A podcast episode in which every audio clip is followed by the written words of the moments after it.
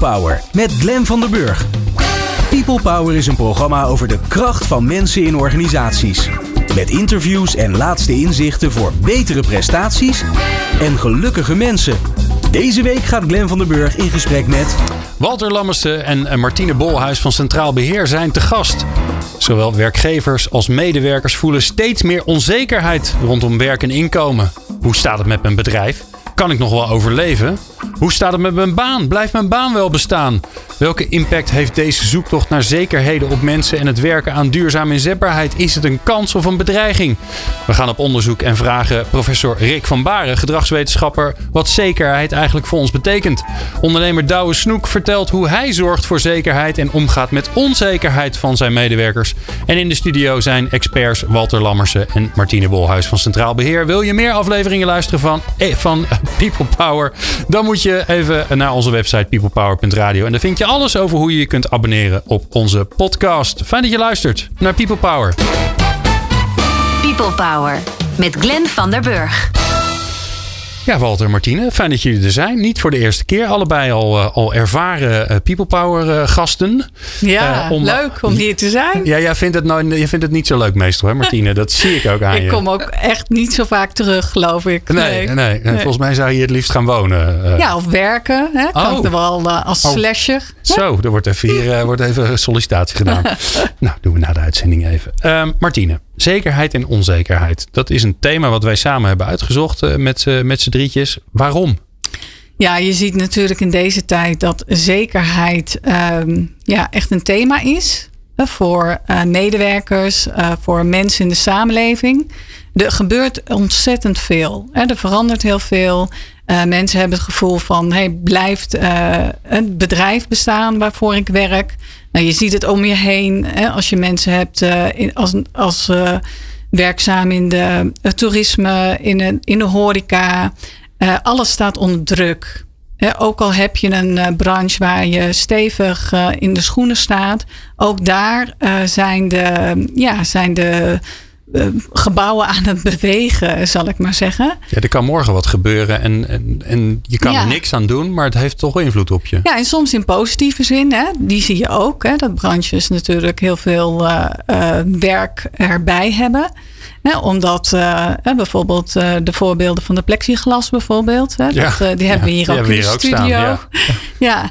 Maar je, je ziet dat het hele bedrijf Nederland, medewerker Nederland verandert. De manier waarop we samenwerken verandert. De manier waarop we banen en werk behouden verandert. En dat geeft onzekerheid. En waarom wij dat zo belangrijk vinden, is dat onzekerheid een van de belangrijkste redenen is wat stress opbouwt. Aha. En stress uh, ja, is een uh, voorloper van verzuim, van uitval. Uh, en dat uh, is wat niemand wil. Nee, verdriet, verdriet, en kosten, dat willen we allebei niet. Nee, nee. En ook, ja, dat, dat, dat zijn gewoon heel veel ehm, zaken die voor de medewerkers, maar zeker ook voor bedrijven, heel veel energie leveren. Ja. ja. nou, we hebben, we dachten, we gaan ook maar eens even om, om toch een beetje een beeld te hebben van waar hebben we het nou eigenlijk over, hebben we uh, Rick van Baren uh, de vraag gesteld: ja, welke rol speelt zekerheid nou eigenlijk in ons brein en daardoor ook in ons leven? En uh, nou ja, als je vaker naar People Power luistert, dan weet je dat Rick hoogleraar gedragsbeïnvloeding is op de Radboud Universiteit. En als je niet vaker luistert, dan weet je het nu ook. Um, ja, en ik vroeg Rick, ja, wat is dat nou voor onderwerp? Is dat dan belangrijk in ons brein? Zekerheid, onzekerheid? En dit was zijn antwoord. Rick, fijn dat je even tijd voor ons hebt, want we hebben je hard nodig. Nou, ik vind het uh, heel fijn om tijd te maken voor jou, Glenn. Uh, en de luisteraars. Dus uh, kom maar door. Ja.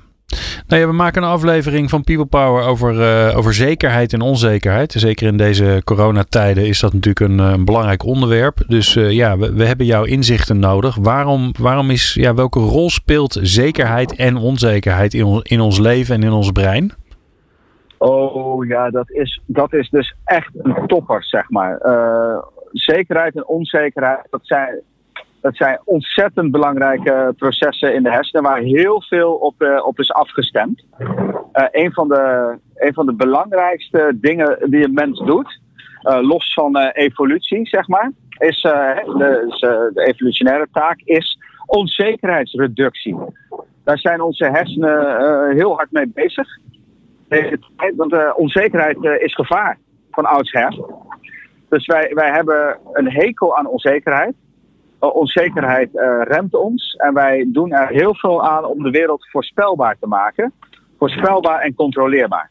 Maar dat, dat, dat zie je als je de diepere hersenwerking bestudeert, zie je dat dat een hele belangrijke, heel belangrijk principe is. Dus dat eigenlijk. Ja, en als we dan, stel je voor, je, je, hebt een baan en je, je werkt bij een werkgever en het is coronatijd en, en dat maakt je onzeker. Wat, wat doet dat met je? Ja, onzekerheid heeft een uh, vaak, zeker als het langer duurt, een verlammend effect op cognitieve capaciteit. Dus het, het remt je, zeg maar. Onzekerheid, dat, dat dat, dat kost energie en dat probeer je weg te drukken of weg te krijgen of op te lossen. Maar je bent met dat gevoel van onzekerheid bezig. Dus kijk, onzekerheid is op zich niet erg als je de oplossing hebt. Want dat, dat zet je aan om, om actie te ondernemen, om iets uit te zoeken of iets wel of niet te doen. Maar als je de controle niet hebt, dan, uh, ja, dan, dan heeft het een echt een negatief effect op je, op je functioneren, op je capaciteiten. Dus dat, uh, ja, dat, dat, is, uh, dat is een hele vervelende staat van mensen, waardoor ze ook meer gaan onderpresteren. Oké, maar eigenlijk geef je ook al een soort tipje wat je eraan zou kunnen doen. Hè? Want onzekerheid leidt dus tot mindere prestaties, dat hoor ik je zeggen. Ja. Behalve als je een oplossingsrichting hebt en je kunt in actie komen. Ja, ja dat klopt. Ja, ja als je, precies. Dus je, je, je, organisme, jij, je, wil, het is gevaar en daar wil je uit. Daar wil je iets aan doen. Maar je kan dat niet, zeg maar. Want uh, je, je beheerst niet of je bedrijf nog blijft bestaan. Dus dan zou je moeten zoeken naar wat kan ik wel beheersen. Zeg maar, waar kan ik dan mijn, uh, mijn focus op richten? Hoe kan ik dat gevoel wegkrijgen? ga ik, kan ik kleine stukjes oplossen? Kan ik me, me toch iets meer zekerheid geven? Of ja, anders zou je het in de acceptatiehoek moeten zoeken. Zeg maar. Dus dan, dan zou je het piekeren, wat echt cognitieve capaciteit kost, moeten proberen te reduceren. Dus of je bedenkt een actie die je kan doen waar je sowieso nut van hebt. Of je, je probeert in de acceptatiehoek te gaan zitten. Dat zijn eigenlijk twee opties. Ja, en kun je als werkgever er bijvoorbeeld ook iets aan doen om zekerheid te bieden daar waar het lijkt dat er onzekerheid is? Door, door nou ja, openheid van zaken te bieden, door aan te geven dat hè, de baan van iemand voorlopig uh, zeker is? Ja, ja absoluut. Absoluut. Dus uh, transparantie in proces. Kijk, de, de, de ergste onzekerheid is uh, al die dingen die je niet weet, maar die je eigenlijk wel had kunnen weten. Dus uh, ik denk dat wij als, werk, wij als werkgevers, ik ben toevallig ook werkgever, ik denk dat wij onderschatten hoe onzeker mensen zijn, want wij hebben gewoon een kennisvoorsprong. Wij, wij zeggen iets van, nou, er is iets aan de hand en er moet wat gebeuren, zus en zo. En wij weten veel meer. En wij hebben niet door dat, dat een medewerker minder weet. Dus daarom nemen we ook niet de tijd en moeite om, om, om dat gevoel bij ze weg te krijgen. Dat deel wat onnodig is. Dus daar kunnen we echt inderdaad heel veel aan doen. Uh, maar het is, het is, ja, omdat wij het zelf wel weten, is het moeilijk voor te stellen uh, dat een ander het niet weet. Zeg maar. Dus je denkt dat hij aan, aan weinig woorden al genoeg heeft. Dat, uh, ja, en daar zou je, je moet je echt verdiepen en verplaatsen in een ander. En dan, dan kun je die helpen. Nou is er natuurlijk de afgelopen jaren um, enorme flexibilisering gaande op de arbeidsmarkt. Hè, met als gevolg dat je veel meer mensen hebt die een onzekere baan hebben dan die een zekere baan hebben. En, en of dat nou echt zo is, dat is daar gelaten. Hè? Maar het gevoel wat mensen hebben met een vast contract is: het zit wel goed. En het gevoel als je via een uitzendconstructie of, of een tijdelijk contract hebt, nou, dan voel je je wat onzekerder. Zeg je dan eigenlijk dat is ongelooflijk dom van, van werkgevers? Want daarmee haal je een heleboel onzekerheid eigenlijk de organisatie in die niet nodig is. Ja, ja, ja, dat hangt ook wel een beetje van de tijd af. Hè? Dus de, de onzekerheid van flex is natuurlijk in een, uh, afhankelijk van de conjunctuur. Hè? Dus uh, als er een krappe arbeidsmarkt is en iedereen heeft kansen en aan iedereen wordt getrokken, ja, dan, dan kan flexibiliteit ook een gevoel van vrijheid geven. Natuurlijk, ergens. En dat, dat kan. Of mensen vinden er wel berusting in. Maar de neergaande economie is het natuurlijk wel, ja, da, daar haal je veel onzekerheid binnen. Kijk, ik kan niet inschatten of het, uh, of het terecht is dat uh, al die mensen een flexcontract krijgen. Hè, stel, eh, misschien eh, liggen de banen wel op de tocht, maar als dat niet zo is, ja, dan, eh, dan is het op, daarvoor minder verstandig. Het, het andere, kijk, als je het, het kan natuurlijk wel zo zijn dat je het gebruikt omdat je echt eh, competitie in, in je bedrijf wil hebben. Ik zou niet weten waarom je het zou willen hebben, maar stel dat je dat wil, ja, dan kun je het inzetten, zeg maar. Dus Ja. ja, of het ongelooflijk. Ik denk dat het eerder berekenend is dan dom. Maar of het de juiste berekening is, vraag ik me echt af. Ja. Ja, maar kijk, eh, het, het nadeel natuurlijk, het kan zijn dat, kijk, bij vaste als mensen echt in de ontspanningsmodus gaan, want ik heb nu een vast contract en er zit geen prikkel meer in, ja, daar, je, je moet wel zorgen dat mensen natuurlijk gemotiveerd blijven en niet dat ze denken van, oh, mijn kostje is gekocht, ik doe rustig aan. Ja, want kun je, ook, kun je ook te veel zekerheid hebben? Dat je te comfortabel wordt? Ja, je kunt eh, onderprikkeld raken. Ja.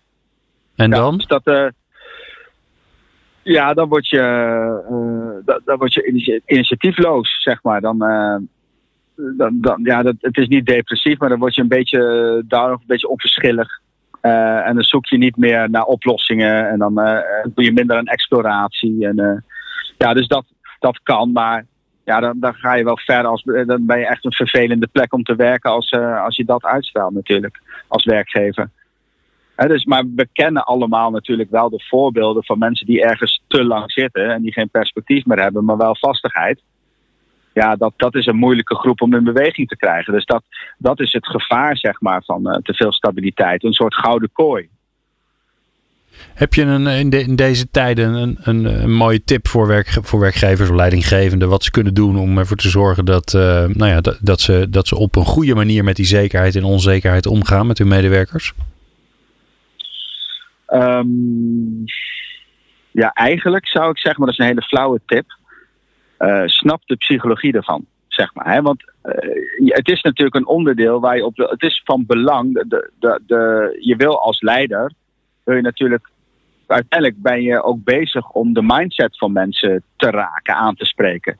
Dus hoe meer jij snapt, hoe meer jij je medewerkers snapt, maar ook, de rol van zekerheid en onzekerheid daarin, hoe meer je ook kan zien hoe kan ik het gebruiken om, om collectief iets moois te maken. Hè?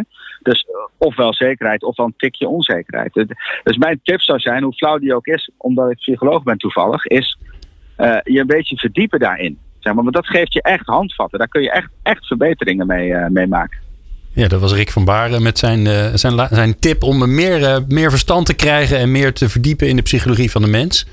Nou, Martine, wat, wat, wat, wat zie jij als je langs al die bedrijven gaat eh, en daar bezig bent, hè, vooral met duurzame inzetbaarheid? Snappen leiders genoeg van de psychologie van de mens? Nou, niet altijd. En ik denk ook dat eh, mensen wel onderschatten van hoeveel dat van leiderschap vraagt. En hoeveel aandacht daarvoor nodig is. Want eh, we hebben allemaal eh, eh, behoefte aan medewerkers hè, om met elkaar de schouders eronder te zetten. Iedereen is blij hè, met de energie die er afgelopen half jaar is geleverd. Mensen en werkgevers waren echt verrast over het feit dat eh, medewerkers ook thuis zo ontzettend eh, enthousiast eh, aan de slag bleven. Maar blijkbaar was dat dus een, een verrassing. En dat verrast mij dan weer. Want ja, ik weet dat medewerkers echt wel heel graag hè, willen werken. Mensen komen niet om de, de benen op tafel te houden. Mensen willen ertoe doen. Dat is een van de dingen die belangrijk zijn op het gebied van werkgeluk. Eh, dat eh, medewerkers komen werken om iets toe te voegen. Om er te, toe te doen. Eh, en dat zijn meerdere dingen. Bijvoorbeeld het belang van relaties op het werk is net zo belangrijk. En je ziet ook in deze tijd dat het best moeilijk is om relaties te behouden. Nou, kijk maar Je eens. zal maar eh, net begonnen zijn, hè? Ja, je zou maar net begonnen zijn. Ja. En, eh, Niks afdelingsborrel. ja, nee, nou ja, nee, misschien online. nee. Maar ja. En dat vraagt wat van leidinggevende. Dus ook die aandacht van is er voldoende ruimte om die relaties op te bouwen, te bouwen maar ook te onderhouden hè, met elkaar om eh, nou goed met elkaar dat teamgevoel te creëren. Ja, of, Ja. of zit ik me net te bedenken hoor. Stel je voor dat je inderdaad, je bent net in corona of vlak voor corona. God, het is, al het, begin, het is een soort tijdperk ga- gaan worden. Ja, Maar je, ben- je bent net begonnen, eh, nou, een maand voordat de crisis uitbrak. En, dan, en je krijgt een jaarcontract. ja, Dat moet toch ongelooflijk rot voelen? Ja. Dan ben je toch de hele tijd aan het denken, oh, oh, oh. oh. En je vindt het, hè, laten we ervan uitgaan dat je het een leuke baan vindt en je Ja. hebt het naar je zin. Ja, en hoe kun je dan laten zien hè, welke waarde je hebt? Hoe eh, krijg je echt contact hè, met je collega's? Nou, je ziet gelukkig heel veel voorbeelden van leidinggevenden die ook eh, medewerkers thuis opzoeken. En dat is eh, natuurlijk heel gunstig. Hè? En dan thuis opzoeken, eh, wel op een veilige afstand. Tuurlijk, ja. Hè, natuurlijk. Uh, wandelbila's eh is zo. wordt heel veel gewandeld, hè? wordt Ja. heel veel gewandeld. En ik word er zelf ook heel blij van. We hadden het er net over in het voorgesprek. Walter is ook een eh wandelaar, ook een wandelaar, in de ochtend. Ja. Ja, ik heb mij inmiddels aangewend om eh, eerst, nou ja, zeg maar, te bewegen naar de 10.000 stappen. Dus ik heb, eh, met kleine stapjes ga ik, zeg maar, eh, wandelend naar mijn werk. Dus ik werk al, eh, nou ja, sinds maart thuis. Dus Ja. het, eh, als de wekker gaat, dan is het eerst eh, aankleden en dan... eh, Je hebt gewoon een hele grote tuin voordat je eindelijk Nee. bij je werk bent. nee, je veel wandelen. Ja, ja, heel goed. Ja, dus dat is. eh, Ja, en je ziet goed. ook dat dat heel veel eff- effect heeft. Hè? Ook in deze tijd van werken aan je vitaliteit. Hè? Maar ook eh, leidinggevende vraagt dat. eh, heb er aandacht voor. En zorg ervoor dat mensen ook echt pauze nemen. Of even bewegen Ja, ja, ja. tussendoor. Ja. Ja. We gaan zo ehm, verder praten. We, ja, we, hebben eigenlijk het onderwerp heel makkelijk in tweeën geknipt. Nou, we gaan zo het eerst hebben over de zekerheid. Eh, en daar gaan we het natuurlijk met Walter en Martine over hebben. Wat je daaraan kan doen als werkgever. Maar we gaan ook luisteren naar Douwe Snoek. Een van mijn favoriete eh, werkgevers van Snoek, Snoek Puur Groen. Een hoveniersbedrijf waar zo'n beetje 100 mensen werken. Hoe doet, hij, hoe doet hij dat dan met zekerheid? Nou, dat hoor je zo. People Power op Nieuw Business Radio. Dit is Menno Lanting, spreker en schrijver. En ik kan me voorstellen dat je wellicht eens op zoek bent naar nieuwe inspiratie, nieuwe inzichten. Kijk dan vooral eens naar People Power. Mooie verhalen, mooie inzichten. Ik raad het van harte aan. People Power met Glenn van der Burg. Ja, en als Menno zegt, dan is het zo. Hè? Die heeft al zoveel boeken geschreven, die zal het wel weten. Zeker. Ehm, eh, zekerheid, daar gaan we het over hebben. Ik moest even denken, waar zijn we ook weer gebleven? Ehm, ja, we hebben net van Rick gehoord. Het is belangrijk dat je je zeker voelt. Niet te zeker. Niet zo ver dat je, dat je het saai gaat vinden en je niet meer gaat ontwikkelen. Dus daar moet je, moet je mee oppassen. Maar als je je te onzeker voelt of niet zeker genoeg voelt, dan gaat het allerlei dingen met je performance doen. Dus de grote vraag is dan, wat kan je dan doen als werkgever om eh, ja, te zorgen dat mensen zich wat zekerder gaan voelen? En voordat we naar de normale dingen gaan waar we het altijd over hebben hier, want die gaan zeker komen, no worries, wees niet bang. Ehm, eerst maar even naar de dingen waar we het niet zo vaak over hebben, Walter. Want er zijn natuurlijk ook dingen waar je je als werknemer ze- onzeker over kan voelen, die je gewoon kan organiseren. Ik noem maar iets. Bijvoorbeeld, eh, ik moet dat voor mezelf regelen. Mijn arbeidsongeschiktheid. Daar denk ik nooit over na. Ehm, ondertussen heb ik dat goed georganiseerd bij Centraal Beheer, overigens, als, eh, als kleine zelfstandige. Maar ehm, ik had, dat zat wel in mijn achterhoofd. En als iemand erover begon, dacht ik, ja shit, ik heb dat niet geregeld. Wat zijn, wat zijn nou die dingen waarvan jij zegt van nou die kun je als werkgever kun je die prima voor je medewerkers regelen. En als je dat niet doet, dan zijn dat van die knagende dingen. Nou het begint vaak met eh, de loondoorbetaling bij ziekte. Dat, kun je, dat ben je verplicht om te regelen. Dat, eh, die verplichting heb je de- gedurende twee jaar. Nou, daar kun je een, eh, een verzekering voor sluiten. En dat die loondoorbetaling dan wordt overgenomen door een verzekeraar. Maar je kunt daar omheen eh, natuurlijk een loondoorbtalingspakket, ja, plus zou ik bijna willen zeggen. Waarin eh, preventiediensten in zitten. Valt iemand uit, eh, reïntegratie, eh, begeleiding. eh, dat, dat zijn natuurlijk. eh, dus we hebben sinds januari bijvoorbeeld. eh, specifiek voor de kleine MKB hebben we de MKB ontzorgverzekering. Hè, dat is gewoon eh, één loket en dan wordt alles eh, wordt daarin geregeld. Dus dat is een. eh, Dat is wel heel fijn. Dat want, is want echt- de, de gemiddelde MKB'er, dan, dan hebben we het niet over bedrijven met 200 mensen, maar weet ik veel, 50 of 25. ja, het is, die is- hebben dat natuurlijk niet in huis. die hebben die expertise niet. En dat is binnen zo'n pakket. En met eh, bij de verzekeraar, maar die hebben natuurlijk ook de, de experts. eh, hè, die, zijn, die zijn ingekocht. De preferred suppliers noemen we dat dan. Ja, die kunnen, we, die kunnen daar eh, gewoon voor zorgen dat die werkgever ook de zekerheid heeft. Dat dat ook voor die eh, werknemers die eh, of uitvallen of, eh, of even, ja, even niet goed in hun vel zitten. Of dat ze bijvoorbeeld een hulplijn kunnen bellen. Of dat ze naar het preventieve spreekbeurt kunnen. Of ja, spreekuur van de bedrijfsarts. Om eens gewoon even te, met, met gewoon te praten.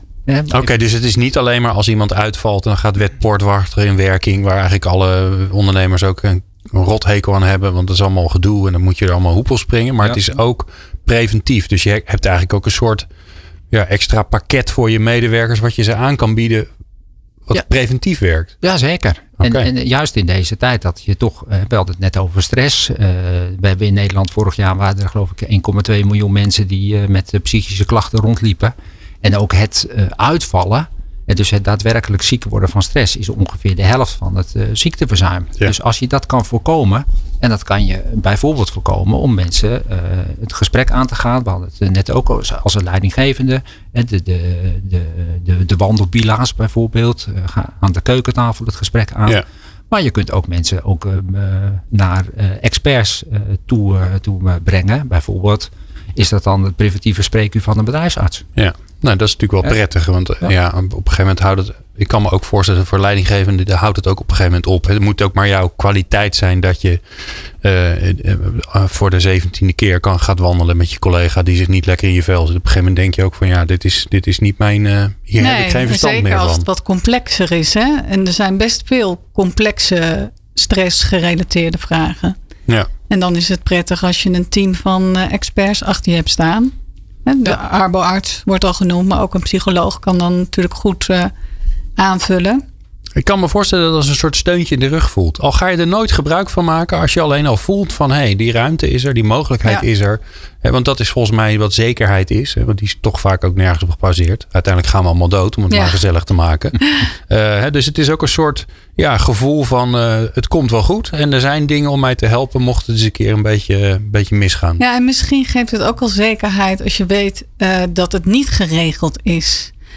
Wij de, we hebben het ook wel eens over van uh, een, werkgever. Het, het oogt, hè, is goed werkgeverschap als je het regelt hè, voor je medewerkers. Hè, van wat als er geen werk is, wat als hè, jij uh, langdurig ziek wordt.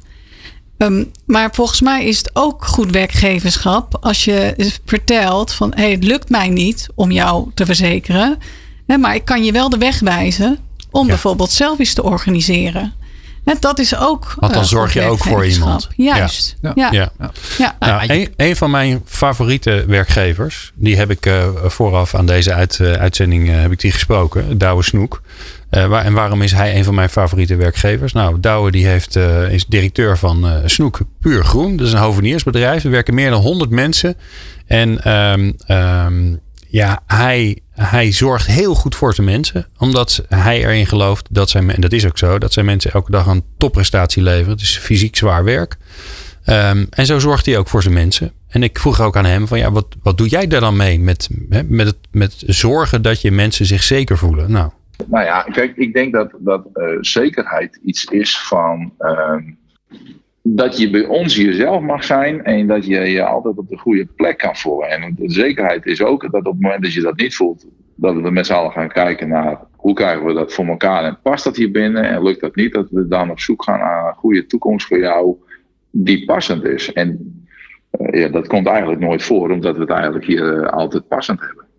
Uh, hoe maak je dat, hoe maak je dan even concreet? Een voorbeeld van iemand? Ja, uh, ik heb een voorbeeld van iemand die heeft hier een tijd gewerkt. Die is toen even een tijdje weggegaan. Is weer bij ons in, in dienst gekomen.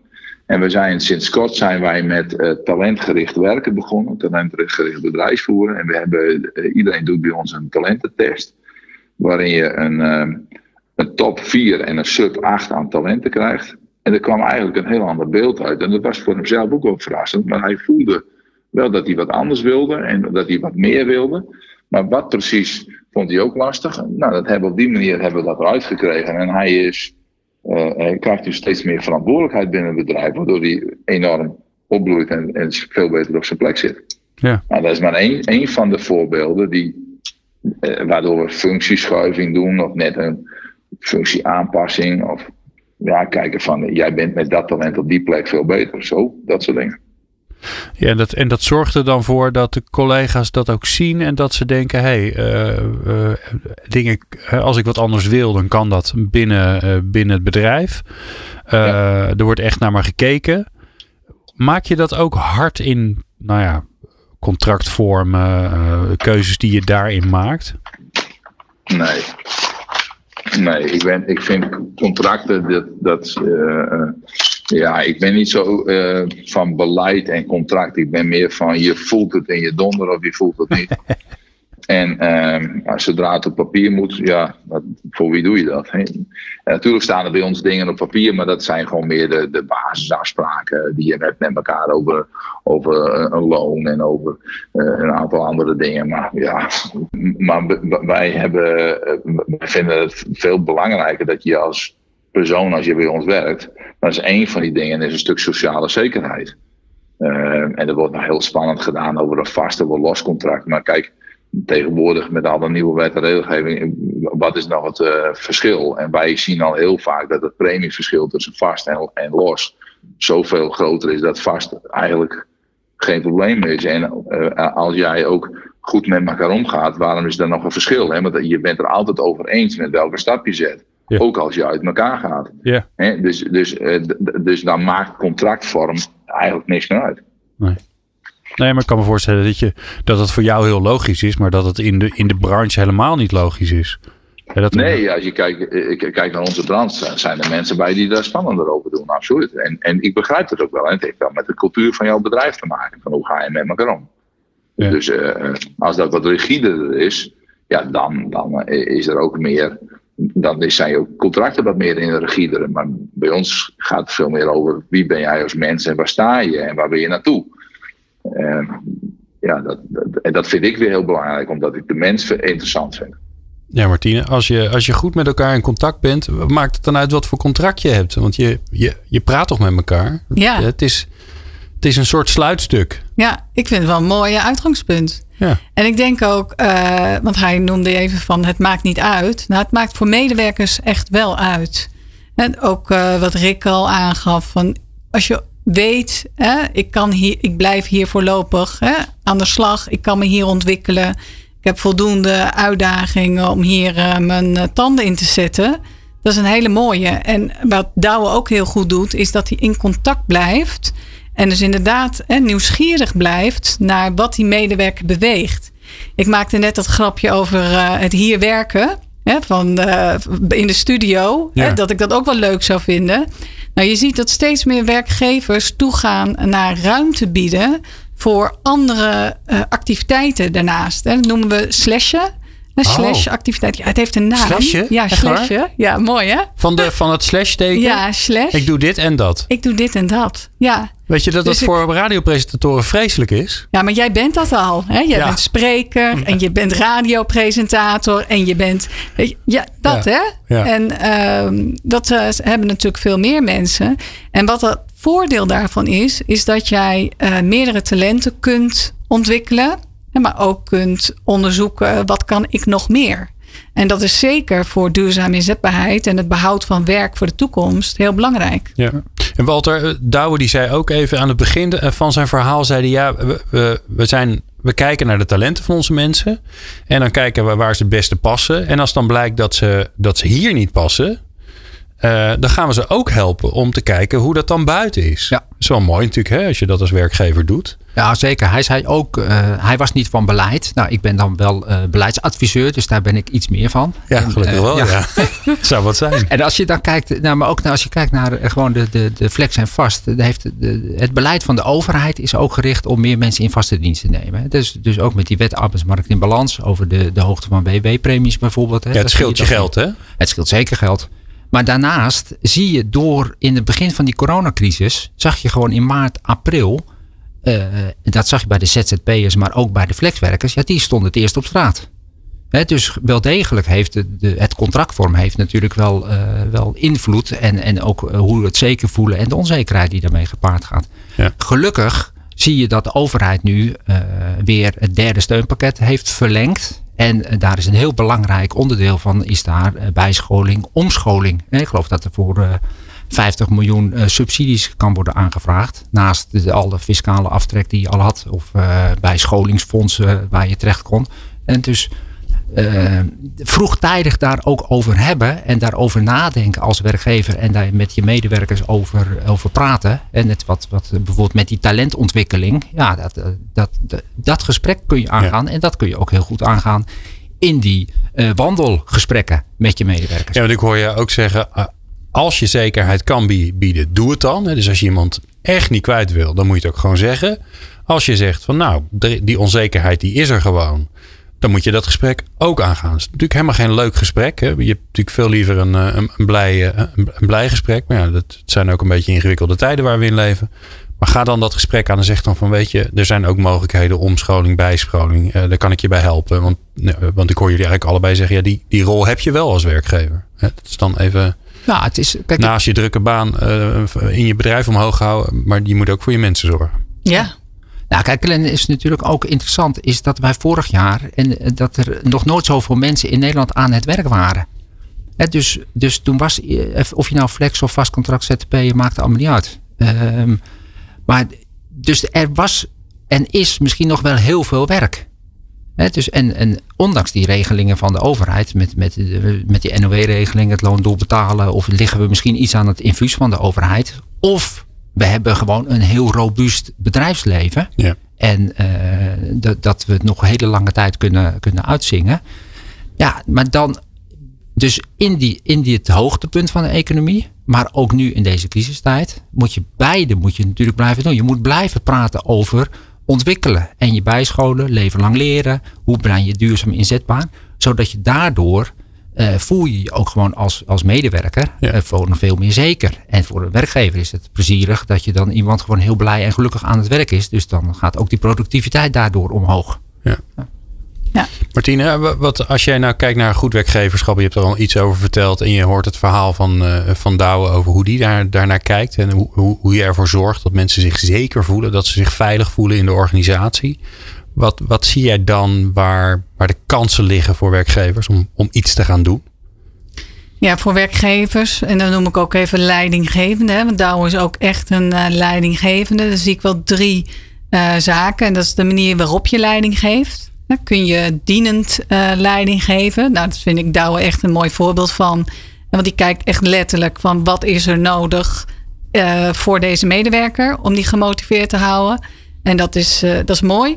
De tweede is investeer in medewerkers. Dus blijf inderdaad ook echt bewust van hoe investeer ik in jou in die blijvende ontwikkeling. Ja, en, en juist nu misschien wel. Juist nu. En ja, dat en dat is heel ingewikkeld nu, hè? Want mensen hebben natuurlijk hun hoofd eh, boven eh, het water te houden.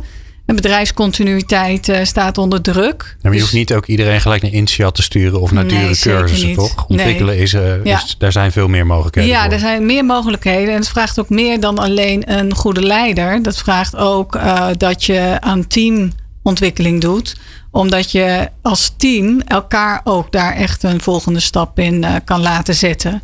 En dus collegiale leiderschap is net zo belangrijk als uh, die hiërarchische leiderschap. En dan kom ik meteen op het derde punt. En dat is, uh, ja, organiseer platter. En dat is toch ook echt een belangrijke op dit moment. En van zorgen ervoor dat mensen echt die autonomie voelen om uh, zelf uh, aan het stuur te zitten. Hoe ze het werk inrichten. Zeker in deze tijd is dat belangrijk. Maar ook hoe zij uh, die combinatie maken met leren, met werken.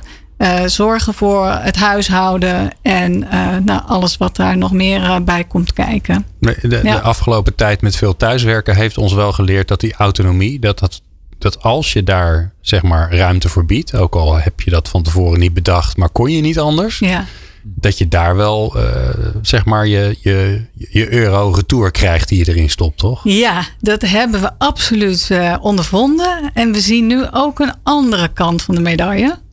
En dat is uh, dat, want het thuiswerken inderdaad, hè, dat, dat noemde ik in het begin ook al, van we, we zagen echt een enorme boost in die autonomie. En werkgevers mogen echt enorm trots zijn op wat die medewerkers hebben neergezet. Maar nu zie je ook uh, de armoede ontstaan in relaties.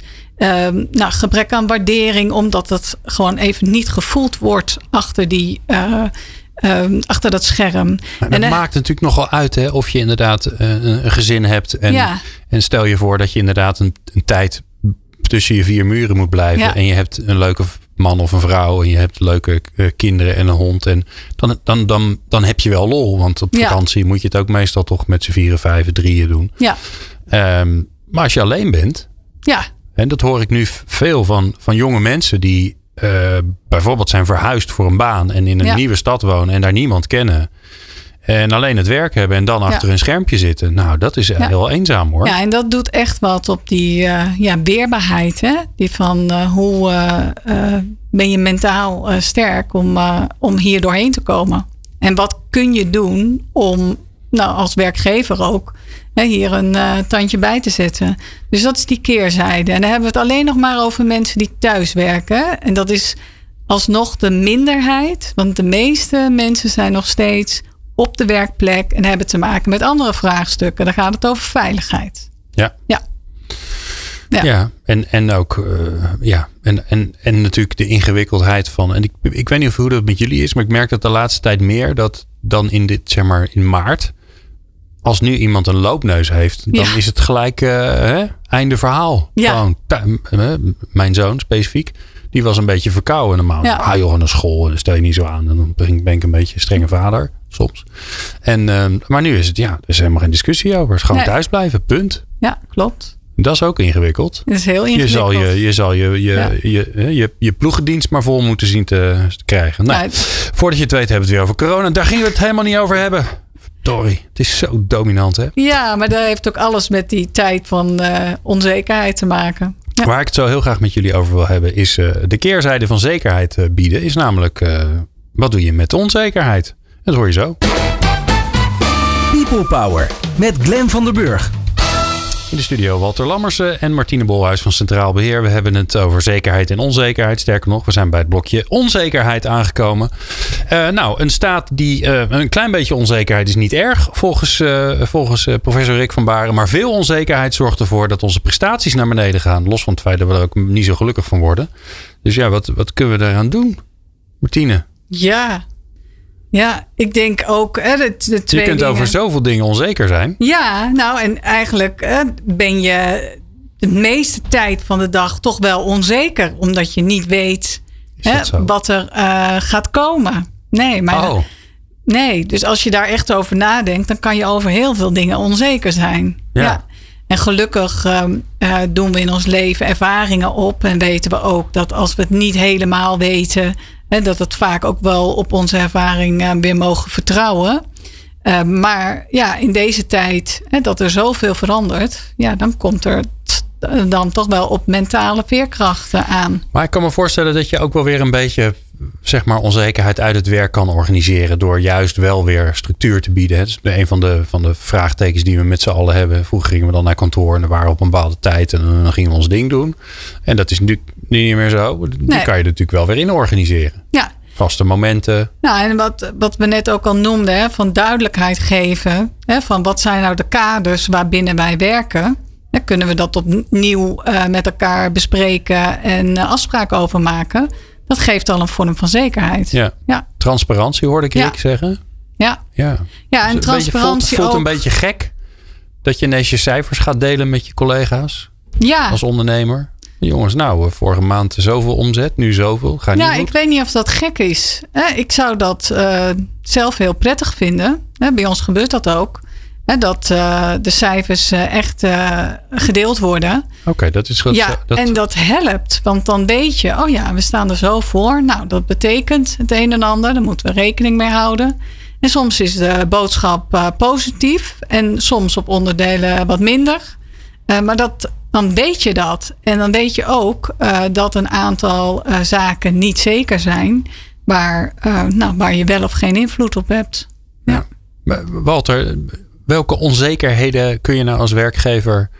ehm, ik zat met deze vraag in mijn hoofd. Welke, welke onzekerheden kun je nou wegnemen bij werknemers als werkgever? En toen, terwijl ik dat zei, dacht ik, ja, en waar houdt het op? Maar dat moet nooit twee vragen stellen. Dus we doen de eerste Ja. eerste. Ja, maar goed, je kunt ook eh, als individu gewoon goed nadenken over onzekerheid. En, en, en dat, kan, hè, dat kan ook in relatie eh, tot en met eh, wat we net hadden, ziekteverzuim bijvoorbeeld, arbeidsongeschiktheid. Wat zijn de regelingen hè, om, om je daar gewoon als werknemer, als individu in te verdiepen? Maar we weten ook hè, dat individuen daar meestal niet zo goed in zijn. Dus, dus dingen die ver weg lijken, hè, zoals arbeidsongeschiktheid.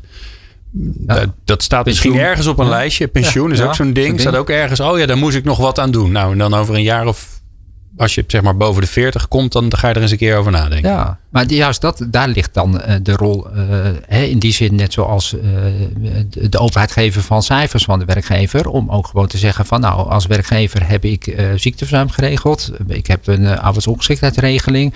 Ik heb bijvoorbeeld een hele uitgebreide of ik heb een gewoon niet zo uitgebreide. En dat uh, betalen, je, betalen de werknemers uh, nou ja, uh, 100% of 50%.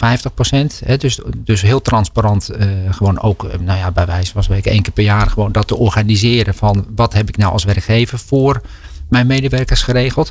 Nou, dat vind ik een mooie. En daar kan, kunnen volgens mij werkgevers een tip voor krijgen. Dan krijg je zo'n salarisstrookje. Daar snapt niemand wat van. Nee. Als je er uitleg over vraagt bij HR, dan snap je het. En twee dagen later snap je het weer niet. Maar daar staat ook op hoeveel geld er van de werkgever in jouw pensioenpotje gaat. En niemand ziet dat, niemand kijkt daarnaar. Maar het is elke maand krijg je dat als, als zeg maar waarde, extra waardering of onderdeel van de waardering van. Kunnen, kunnen we dat nou niet slimmer doen? Ja, dat, want ik vind het zo zonde. Want het is echt een hoop geld wat er die pensioenpot ja. in ja, gaat je bedoelt ook. Dat, dat je dat deelt met je medewerkers. Ja, hè? dat je daar, weet ik veel, met grote koeienletters. Of Ja. dat je er een leuke graphic van maakt of zo. Ja, weet oh, ik veel. Dat Mooi. als, als ik kijk bij eh, wat wij krijgen vanuit de Centraal Beheer, dat is dan eh, eh, ja, van de, de HR-organisatie, de salaris. Dan heb je je, zeg maar, je onleesbare salarisstrook.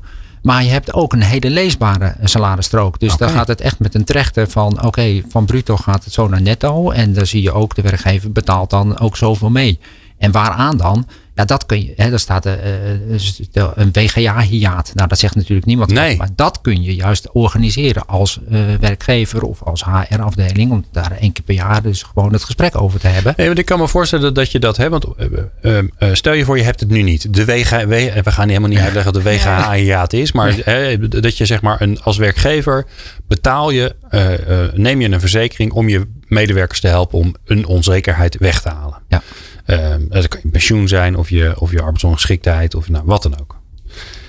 Dat doe je één keer. Dat kondig je aan. Iedereen blij. Ja. Maar ja, je gaat de komende tien jaar betaal je het. En dus hoe zorg je er nou voor dat je elke keer denkt: oh ja, dat is waar. Ja, dat doen ze ook nog voor me. Want dat is natuurlijk, dan moet je zorgen dat je dat elke keer weer terug laat komen. Ja, nou ja, dat was inderdaad een goede tip. Om dat inderdaad op je salarisstrook. Dan zie je het gewoon twaalf keer per jaar zie je dat eh, terugkomen. Hè, bijvoorbeeld.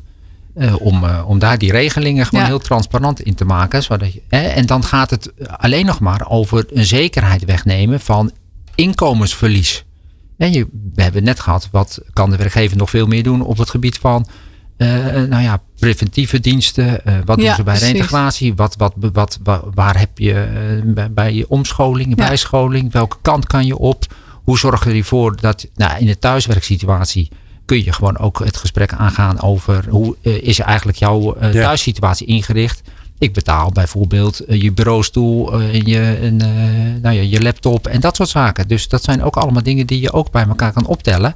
En dan blijft er voor, dat, voor een individu, voor die werknemer misschien een dingetje over die die zelf moet organiseren. Ja. Ja. Ik heb het ook Ja. aan Douwe Snoek gevraagd. Oh ja. Ja, en eh, eh, want ik zei tegen hem: wat doe jij dan eh, als er onzekerheid is? Nou, en dan eh, heeft Douwe altijd een mooi antwoord. Ik denk dat je als, maar dat zeg ik heel vaak over het algemeen, ondernemers, wees je nou bewust dat van de impact die jij hebt met je bedrijf op mensen, families en eh, daaromheen. Dat kan positief en negatief zijn. En kies nou, nou voor, voor jezelf nog maar eens met een goed glas wijn op de bank welke impact je wil hebben. En als je die positief wil hebben, kijk dan goed in de ronde. En zodra er onzekerheid is, ga je aan het, aan het praten. En als er onzekerheid bij de vrouw is, geef ook tips over hoe je daarmee om kan gaan. En als de vrouw zich onzekerheid voelt over, over corona, schuw dan het gesprek niet. En, eh, en help. Of bied een helpende hand. Dat Ja, hoe doe jij dat? je- nou, het kan ook zijn dat ik dan. Ik ben ook wel een, een- een- eens even bij iemand thuis geweest om daar even over te praten. En zeggen: wat is er aan de hand? En waar zitten jullie mee? Wat voor hulp kunnen wij je bieden?